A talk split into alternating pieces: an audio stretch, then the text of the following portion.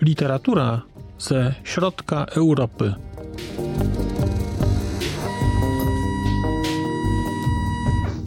Podcast około książkowy.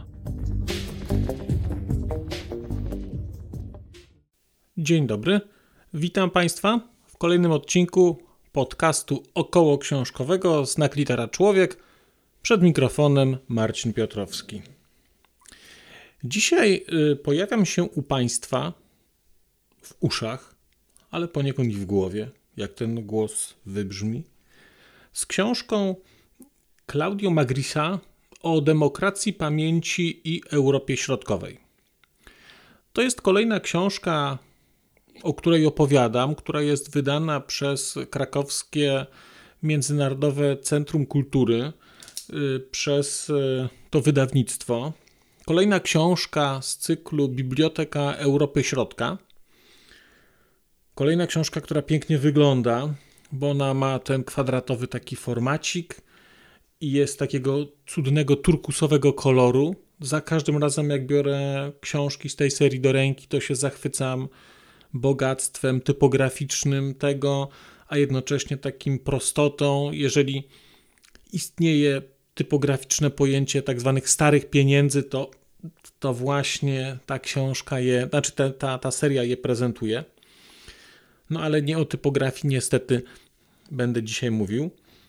Tak więc mam książkę Claudio Magrisa o demokracji, pamięci i Europie Środkowej. To jest książka wydana w roku 2019, ale jest to książka, która no, w tej formie nie wyszła chyba nigdzie poza Polską. Dlatego, że y, książka Claudio Magrisa jest zbiorem esejów. Te eseje zostały przełożone przez panią Joannę Ugniewską, ale nie tylko, bo one zostały nie tylko przełożone przez panią Joannę, ale także wybrane. Więc tutaj jest bardzo jasne wskazanie, bardzo jasno jest to napisane. Wybór i przekład Joanna Ugniewska. Dostajemy też także takie krótkie wprowadzenie od y, tłumaczki, w którym trochę wyjaśnia kontekst e, całości, kontekst książki, kontekst tych, tych esejów i bardzo jasno pisze, że tak naprawdę zadanie, które przed nią stało, e, było trudne, bo ta eseistyka Magrisa jest eseistyką mm, dotyczącą wielu różnych tematów, znaczy jest ogólnie humanistyczna, powiedziałbym, ale tematy są różne i żeby z tej różności wybrać coś, co byłoby w miarę spójne, no, zadanie nie było proste, ale jako czytelnik mogę powiedzieć, że mam wrażenie, że zadanie zostało zrealizowane z ogromnym sukcesem. Eseje, e, które są e, zawarte w tym zbiorze, on nie jest jakiś specjalnie duży, to jest, nie wiem, 350 stron tekstu samego tekstu plus przypisy. Te eseje to są eseje, które powstawały w latach 1963-2014 i, i to jest, powiem szczerze, dla mnie jedyna wada chyba tej książki. Przy poszczególnych esejach nie ma daty e, ich powstania, nie ma, nie ma roku publikacji. I, I jest to do jakiegoś stopnia, było to dla mnie utrudnieniem, bo mimo że one dotyczyły rzeczywiście wartości takich ogólnoludzkich, humanistycznych, to jednak pewne konteksty sytuacji międzynarodowej, sytuacji politycznej, włoskiej. Mm, gdyby była data, chociażby roczna, byłoby nieco łatwiej to do, tego, do, do, do czegoś odnieść. Z drugiej strony jest to w sumie taki ciekawy eksperyment też, no bo tak naprawdę coś było pisane, na przykład a dotyczyło kryzysu uchodźczego, a czy kryzysu tego z 2008 roku. Znaczy, ja nie wiem, czy tak było, ale zakładam, a człowiek przekłada to na rzeczy bardziej, bardziej współczesne. No ale tych dat tutaj nie ma. Te eseje podzielone są na takie cztery części w tej książce. Jest, e, tak więc jest część pierwsza, która nosi tytuł Świat Habsburski, mit i historia. Jest część druga, pod tytułem Demokracja, laickość i dryfująca nowoczesność. część trzecia Przekleństwo i strach pamięci i część czwarta Tożsamość, pogranicze. Jak można być Triesteńczykiem? I muszę przyznać, że mm, kiedy zacząłem tę książkę czytać, no to ten mit habsburski, ta pierwsza część była dla mnie, no bardzo się na nią nastawiałem. Bardzo szybko zorientowałem się, że tak naprawdę to, co tutaj czytam w tym wyborze o demokracji pamięci i Europie Środkowej, to jest fragment innej książki, fragment książki, którą sobie kupiłem jakiś czas temu, która została wydana przez wydawnictwo Austeria w roku 2019, a książka nosi tytuł Mit Habsburski w literaturze austriackiej moderny. Jak można domyślać się po tytule, był to duży hit wydawniczy. Książka okupowała y, główne półki y, w Empiku. Y, właściwie stały chyba tłumy, żeby ją kupić. Mi się udało.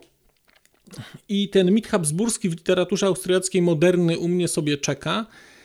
I po lekturze fragmentów tej książki o demokracji pamięci, mm, gdzie są, gdzie, gdzie są fragmenty tej, tej większej książki, widzę, że jeszcze poczeka, bo ja chyba, znaczy nie chyba, ja na pewno nie jestem na niego intelektualnie gotowy. Y, bo o ile jeszcze historycznie niektóre rzeczy ogarniam, o tyle kulturowo i, i, i pod względem literackim jednak e, nie bardzo.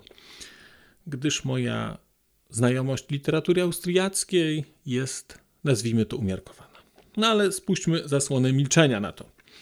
W tej pierwszej części, czyli w, w tej części mit habsburski, znaczy właściwie świat habsburski, mit i historia, e, tam jest kilka, tam jest kilka esejów i one są rzeczywiście, powiedziałbym, bardzo interesujące, bo wszystkie te eseje zawsze mają taki bardzo głęboki kontekst literacki i teraz on jest, ale, ale on jest napisany w taki sposób, że nie trzeba tych książek aż tak dobrze znać, dlatego że ten, ten kontekst się tam pojawia, no aczkolwiek ja żałuję, że nie znałem tych autorów, na przykład, że nie czytałem tych autorów, którzy tam się pojawiają, chociaż nie wszyscy chyba byli przełożeni, nie wszystkie te rzeczy są przełożone na język polski, ale nadal czyta się to, czyta się to bardzo interesująco y, i te rzeczy rzeczywiście są takie no, kulturowo, kulturowo, kulturowo interesujące.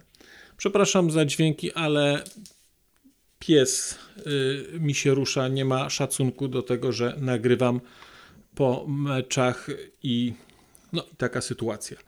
Y, bardzo y, wprowadza Magris fajną, fajną rzecz, dlatego że w, w, którymś, w którymś eseju zaczyna o Mm, o tym królestwie, o, o, cesarstwie e, mówić cekania, więc jest to w ogóle cekania i to jest, e, są rozdziały o cekani, w cekani to, w cekani, w cekani tamto. I teraz mam tu zaznaczony fragmencik, który szybko chciałem Państwu przeczytać, e, bo on jest dosyć interesujący. Mm, I tu jest tak pięknie powiedziane właściwie Właściwie to jest całość tego, o czym jest e, ten, ten, ta pierwsza część, Świat Habsburski. E, w takim rozdziale pod tytułem Świat wczorajszy, dzisiejszy mit, mit habsburski po Wielkiej Wojnie, e, mm, Claudio Magris pisze tak. Jeśli mit, jak powiedział kiedyś Paul Valéry, jest tym, co istnieje jedynie w słowie, nie ma zatem obiektywnej realności poza procesem transfiguracji – to tym bardziej można mówić o micie habsburskim w odniesieniu do literatury po I wojnie światowej, do pisarzy, którzy przedstawili austro-węgierski świat już nie tak, jak jawił się on ich oczom, lecz jak utrwaliły go ich pamięć i nostalgia. Niewiele państw, niewiele cywilizacji pozostawiło po sobie wspomnienie tak intensywne i niezatarte, i dziś, dla współczesnych pokoleń, urok dawnej Austrii tak subtelnie przywołany przez powieściopisarzy i poetów, wydaje się zastępować konkretny obraz tamtego świata do tego stopnia, że cesarstwo naddunajskie jest w większym stopniu cesarstwem Werfla Musila niż ministra Bertholda czy Tiszy. Mit habsburski nie tylko nie umarł wraz z końcem cesarstwa, lecz wydaje się, że wraz z nim rozpoczął swój najbardziej urokliwy i interesujący okres. I muszę przyznać, że, że bardzo mi się to spodobało, bo jeżeli y, mieli Państwo okazję słuchać tego, co opowiadałem jakiś czas temu, no prawie rok temu, o książce mm, y, Mit Galicji, to ja gdzieś tam zadałem pytanie takie, jak to, jest, to jest niesamowite, że projekt habsburski nie żyje, e, umarł, a mit żyje e, i ma się dobrze. I Magris tutaj pisze dokładnie to samo, znaczy ten mit przeżył i, nadal funkcjonuje i tak naprawdę rzeczywiście to jest jeszcze no, świetnie to napisane. On za, za właściwie zawłaszczył ten świat, który był i prezentuje świat, który jest jakiś zupełnie inny, trochę nierealny, ale no ale jest, no taki, taki, taki pozostał. Więc to jest część e, dotycząca tej, tej pierwsza część świat habsburski. Potem jest bardzo interesujący, interesująca część druga pod tytułem Demokracja, laickość i, i dryfująca nowoczesność. I tam są rzeczy dotyczące, powiedziałbym, takiej, takiego dosyć głębokiego spojrzenia na hmm, elementy kultury y, chrześcijańskiej obecne w różnych aspektach życia. I to jest rzeczywiście takie bardzo intelektualne, przepiękne spojrzenie osoby, mam wrażenie, głęboko wierzącej, y, ale osoby krytycznej wobec Kościoła, ale osoby krytycznej wobec hierarchii.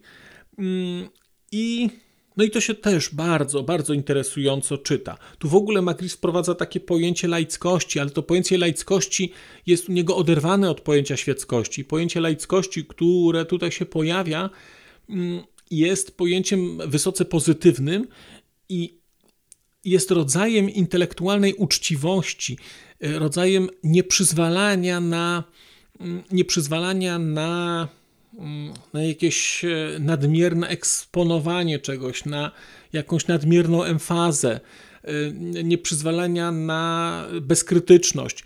To też, jego pojęcie laickości może być odnoszone także do świeckości. On wprost mówi, warto być laikiem, bo bycie laikiem oznacza pewną intelektualną uczciwość, oznacza brak zgody na pewne rzeczy, które są za bardzo wspaniały, wspaniały wątek, który, który gdzieś się tutaj mm, pojawia. I także w tej części mm, jest już sporo wątków włoskich i sporo rozliczeń z historią włoską, ale z taką historią włoską, której podejrzewam Państwo nie znacie. Mm, no, chyba, że się tymi Włochami gdzieś jakoś bardzo mocno interesujecie, w szczególności, w szczególności kontekstem powiedzmy XX wieku i styku włosko-słowiańskiego. Dla mnie styk włosko-słowiański był odkryciem tej książki, ale o tym za chwilę. Część trzecia, czyli Przekleństwo i strach pamięci, y, to jest część, gdzie są takie, mm, gdzie są takie mowy trochę pogrzebowe, mowy, które są ku czci kogoś, rodzaje laudacji i tak dalej. Tam jest więcej wątków y, związanych y, z kulturą żydowską, związanych z Holokaustem itd. Tak I mamy część czwartą, która ku mojemu zaskoczeniu chyba dla mnie była z całości najbardziej interesująca. Część czwarta nosi tytuł Tożsamość, mm, tożsamość pogranicze. Jak można być y, Triesteńczykiem? No właśnie, gdyż Claudio Magris jest Triesteńczykiem y, i całą książkę, którą tutaj opis, opisuje, właściwie ta książka, ten zbiór, ta jego triesteńskość pojawia się bardzo, bardzo wyraźnie. Ten Triest jest tutaj cały czas obecny. Cały czas obecne są rozliczenia włoskie, dlatego że jest tam taki wątek bardzo interesujący pewnego naporu kulturowego, mm, nazwijmy to słowiańszczyzny, w postaci kiedyś Jugosławii, teraz Słowenii, ale powiedzmy, że Jugosławii i wpływu takiej walki kulturowej w okolicach Triestu, jakie to ma być miasto, to okolice. Czy to jest e, rzecz e, jeszcze słowiańska, czy to już jest rzecz już włoska. I zdarzyło się tak, tak, i to jest tutaj pokazane w kilku, znaczy nie jest, nie jest opisywany proces, są raczej opisywane skutki, ale zdarzyło się tak, że mm, na przykład e, w latach bezpośrednio po II wojnie światowej, kiedy w Jugosławii rządzili komuniści, no nazwijmy to proweniencji radzieckiej, mimo że to nie byli staliniści, a z kolei we Włoszech rządziła chrześcijańska demokracja, ale komuniści też mieli wpływy, więc te relacje tam wcale nie były takie oczywiste. I nagle mieliśmy, mieliśmy mamy tutaj takie właściwie wspólne milczenie nad przeszłością, dlatego że żadna ze stron nie chciała się przyznać do, do, do takich, powiedziałbym, bardzo nazwijmy to eufemistycznie, eufemistycznie nieeleganckich zachowań w czasie wojny, do pewnych rzeczy, które były bardzo brutalne. Mm, I ku mojemu zaskoczeniu odkryłem cały fragment mm, historii włoskiej, o której w ogóle nie myślałem. Znaczy, Włosi w czasie II wojny światowej wydawali mi się albo, że to były relacje włosko-niemieckie, albo włosko-francuskie. Natomiast tutaj po wojnie nagle odkrywam zupełnie inny świat relacji włosko-jugosłowiańskich i, i, i zmagań kulturowych, których elementem jest Triest, który trafił rzeczywiście w końcu do, do Włoch, ale który bardzo jasno jest tu opisywany, że był jedynym śródziemnomorskim portem mm, e, Cesarstwa Austro-Węgierskiego. I ten wpływ Austro-Węgier jest w tym e, Trieście widoczny. Cały wątek, cała ta część triesteńska, mimo że, mimo że dosyć hermetyczna fragmentami, no bo no to trochę tak jakby mi ktoś opowiadał, czy pisał jakieś eseje o mieście, w którym nigdy nie byłem, które jest mi jeszcze na dodatek dosyć obce kulturowo, mm, wydawała się hermetyczna, ale hermetyczna nie jest. To znaczy, mimo że tytuły dzienników czy tytuły gazet nic mi nie mówią, to nie zmienia to faktu, że rozumiem, o czym jest rzecz, czytając te, czytając te eseje, a rzecz jest o idei pogranicza. I w ogóle ta książka natchnęła mnie do tego, żebym e, cały, może nie cały, ale żebym w przyszłym roku e, jednak dużo bardziej pochylił się nad e, zjawiskiem kultury pogranicza, bo uświadomiłem sobie w gruncie rzeczy, że ona mnie bardzo interesuje i że moje zainteresowania mm, Śląskiem wynikają z tego, że to jest region pograniczny, że to jest Polska, że to są Niemcy, że to jest Czechy że moje zainteresowania Rumunią w dużym stopniu wynikają z tego, że z takiego przenikania się kulturowego Rumunii, Węgier. Że wątek, książka, o której nie opowiadałem, ale książka, która jest dla mnie bardzo istotna, książka o salonikach z takiej białej serii wydawnictwa Czarne, też jest dla mnie interesująca, ona też jest o przenikaniu się że fascynuje mnie Wrocław, że na pewno pojawi się, pojawi się u mnie y, dzieło Dorenów, y, Mm, które też jest o przenikaniu się, o pograniczu, o tożsamości. Więc te wszystkie rzeczy powrócą i Magris mi to bardzo wyraźnie pokazał, bo mm, chyba złapałem coś, czego nie, wcześniej nie definiowałem, a co też w dużym stopniu stanowi dla mnie o istocie środkowoeuropejskości, czyli właściwie to, że cały ten teren zasadniczo jest pograniczem i być może mm, i być może ta kultura, być może te przełamania, być może to zmieszanie i ta specyfika tego miejsca stąd, stąd pochodzi. Nie wiem, nie wiem, nie wiem, będę, będę sprawdzał. Ale w tejże części, o, w tej części czwartej, tożsamość pogranicze, e, kiedy sobie spojrzymy na stronę, niech spojrzę tylko, 281. Sięgam tam właśnie. Trafimy tam na. No i to właśnie pies się, widzą Państwo, bydle durne drapie. Trafimy tam na rozdział zatytułowany Pogranicze, gdzie rodzi się poezja. I ten rozdział zaczyna się tak. Litwo, ojczyzno moja. Tak zaczyna się pan Tadeusz. Słowa te, napisane w 1834 roku, odznaczają się całkowitą konsekwencją ideologiczną i sentymentalną, wyrażają emocje oczywiste w czasach ich powstania. Mickiewicz, urodzony na Litwie, traktował ją jako integralną część Polski.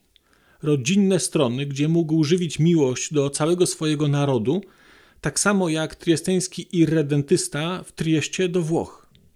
Dla Mickiewicza Litwa była nieodłączną od Polski. Litewskie puszcze nadały kształt jego polskiej ojczyźnie. Podobną postawę, z czasem coraz bardziej problematyczną, spotykamy też u innych wielkich polskich pisarzy, począwszy od klasyków, a skończywszy na autorach współczesnych Miłoszu i Konwickim. Naturalny w 1834 roku wers ten nie byłby możliwy w dwudziestoleciu międzywojennym, kiedy odrodzona Polska zabrała Litwie, która również odzyskała niepodległość, jej stolicę Wilnius, dla Polaków Wilno, gdzie w tymże dwudziestoleciu Litwini stanowili zaledwie 2% mieszkańców miasta, lecz nie chcieli znosić tego, co uważali za okupację, chociaż istniały też organizacje antynacjonalistyczne, na przykład wileńscy krajowcy uważający Wilno w dalszym ciągu za stolicę Wielkiego Księstwa. Mamy więc tutaj w zbiorze Claudio Magrisa rozdział do, poświęcony tylko, znaczy ten esej właściwie, rozdział, no, esej poświęcony, poświęcony Polsce i poświęcony temu, że Mickiewicz, że Miłosz to były osoby, to byli poeci, to byli twórcy, którzy wyrośli z kultury pogranicza. W ogóle tu jest też, pojawia się mm, wątek, wątek tego znakomitego wydawnictwa Pogranicze z Sejn. No, coś niesamowitego, bo nie spodziewałem się, że w książce językoznawcy, czy, czy literaturoznawcy, czy teoretyka literatury, czy humanisty z Włoch znajdę cały, cały esej dotyczący Polski i na dodatek jeszcze napisany z takim, e, powiedziałbym, znawstwem i z takim zrozumieniem istoty tematu. No, no fantastyczna, fantastyczna rzecz. Nie będę dalej już Państwu opowiadał o tej książce. Zachęcam, bo, bo, bo tak naprawdę trudno opowiadać o esejach. Właściwie ja bym musiał je czytać. One są napisane przepięknie. One są napisane taką subtelną, takim subtelnym, wysoce intelektualnym językiem. To są eseje, w których Magritte zajmuje też stanowisko. One nie są takie, one nie, nie, nie mają charakteru jakiegoś takiego bezstronnego, znaczy tam, tam widać jego poglądy w tym, ale zgodnie z tą teorią laikatu, którą tutaj, laickości, którą tutaj formułuje, one są, one są zbalansowane. No, czyta się to, czyta się to pięknie. Mm, książka, im więcej Państwo macie wiedzy o, mm, o literaturze, w szczególności włoskiej, austriackiej także, to ta, ta książka będzie tym pełniejsza, dlatego że tutaj jest mnóstwo odniesień. No to jest literaturoznawca, to też posługuje się, mm, posługuje się odniesieniami do kultur różnych. Jest też tutaj takie mnóstwo takich wątków powracających i można mieć też takie poczucie, że czasami te eseje były kiedyś kompilowane, że widać było, że on coś napisał, a potem trochę w innym kontekście fragmenty wykorzystywał. To też w kilku esejach pojawiają się bardzo podobne wątki. No, wątek Antygony na przykład w kontekście państwa pojawia się tutaj, nie wiem, w czterech esejach. Tak mniej więcej tego konfliktu państwo-jednostka, prawo boskie, prawo ludzkie. Ale nie zmienia to mojej bardzo, bardzo pozytywnej oceny tej książki. To są, to są znakomite eseje. Mm, nie są może one najłatwiejsze. To nie jest literatura, która jest, ta eseistyka y, Claudio Magrisa to nie jest coś, co niestety y, będzie czytane masowo na przystankach. Nie sądzę, żebym dużo ludzi z tym, z tym spotkał ale jeżeli jesteście Państwo zainteresowani takim naprawdę głębokim spojrzeniem na tematy humanistyczne, na takie, na takie tematy dotyczące tożsamości, na tematy dotyczące winy, to wydaje mi się, że, że przeczytanie sobie tych esejów o demokracji, zebranych w książce o demokracji pamięci i Europie Środkowej, no to nie będzie złym pomysłem. To będzie bardzo dobry pomysł i mm, w ogóle ta książka ma też taką cechę, że tych esejów nie trzeba czytać, te, te eseje nie trzeba czytać szybko. Te, no, tym można się smakować. Ja, miałbym tę książkę porównać, to powiedziałbym, że ta książka jest jak wytrawny dardżenik. Znaczy to jest po prostu się pije po łyczku i smakuje się tę goryczkę, bo ta książka jest goryczkowa w takim sensie, że ona wymaga. No to nie jest gładziutka herbatka z cytrynką, tylko ona wymaga pewnego wysiłku, no zwraca, go, zwraca go w stopniu zwielokrotnionym, ale pewnego wysiłku wymaga. Ja Państwa do tego wysiłku zachęcam. Claudio Magris o demokracji, pamięci i Europie Środkowej. Bardzo dziękuję Państwu za uwagę, dziękuję za słuchanie. Zapraszam do niewątpliwie licznych komentarzy i powrócę wkrótce, no może nie tak od razu, ale wkrótce z kolejną książką. Dziękuję bardzo. Przez mikrofon mówił do Państwa Marcin Piotrowski.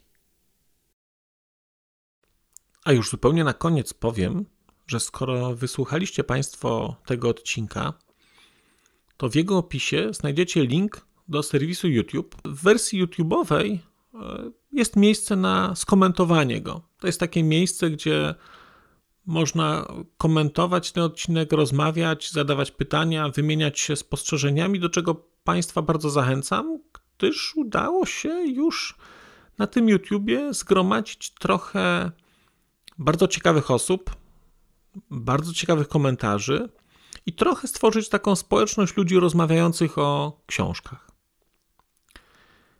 Też na koniec, zupełnie na koniec, e, poproszę Państwa o wystawienie oceny mi w ramach e, tych platform podcastowych, na których Państwo tego odcinka wysłuchaliście.